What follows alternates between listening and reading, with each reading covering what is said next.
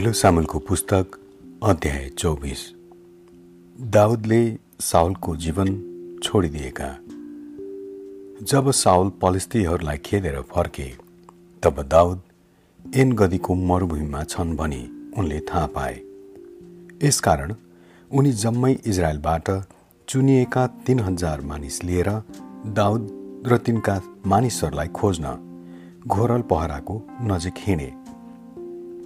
त्यहाँ बाटोको छेउमा केही भेडा गोठहरू थिए। छेउमा एउटा गुफा थियो। त्यसैको पल्लो कुनामा दाउद र तिनका मानिसहरू लुकेर बसिरहेका थिए। साउल त्यस गुफामा आएर दिशा बस्नलाई भित्र पसे।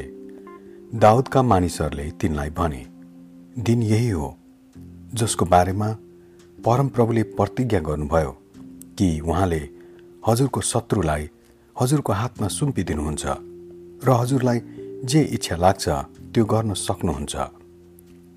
दाउद बिस्तार गएर साउलको खास्टोको एक छेउ काटे। तर तिनले उनका खास्टोको छेउ काटेकोमा तिनको विवेकले तिनलाई सतायो। दाउदले आफ्ना मानिसहरूलाई भने मैले आफ्ना मालिक परमप्रभुका अभिषिक्त जनको केही हानि गर्ने कुरा मबाट परैरहोस् किनकि उहाँ परमप्रभुका अभिषिक्त जन हुनुहुन्छ। यसैले दाउदले आफ्ना मानिसहरूलाई हप्काए र राजामाथि केही हानि गर्न दिएनन्। साउल उठेर गुफा छोडी आफ्नो बाटो लागे।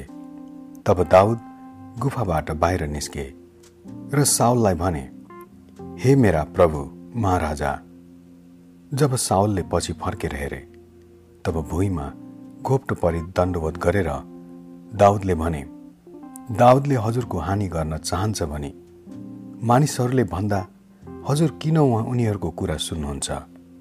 आज हजुरले नै देख्नुभयो कि गुफाभित्र परमप्रभुले हजुरलाई मेरो हातमा सुम्पिदिनु भएको थियो। कतिले हजुरलाई मार्न दबाउ दिएका थिए तर मैले हजुरलाई छोडिदिएँ।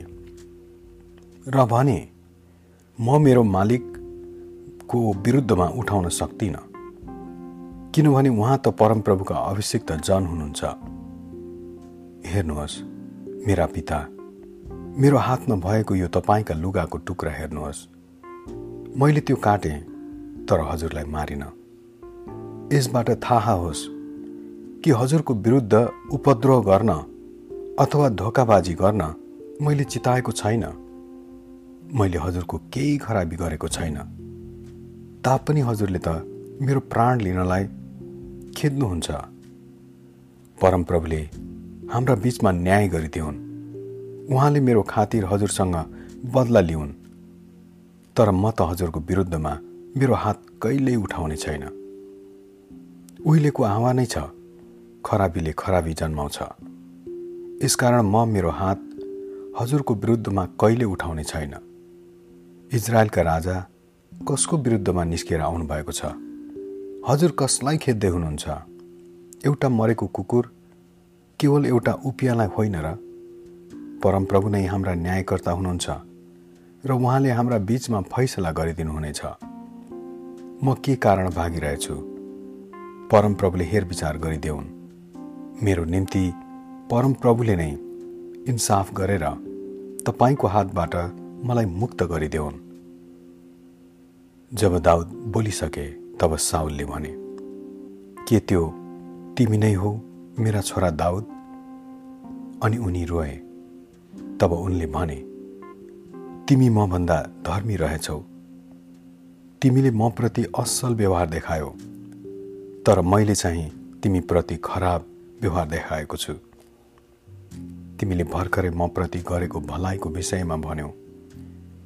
परमप्रभुले मलाई तिम्रो हातमा सुम्पिदिनु भएको थियो। तर तिमीले मलाई मारेनौ।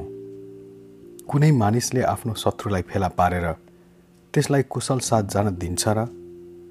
यसै कारण आजको दिन तिमीले ममाथि गरेको काममा परमप्रभुले तिमीलाई असल इनाम देऊन्।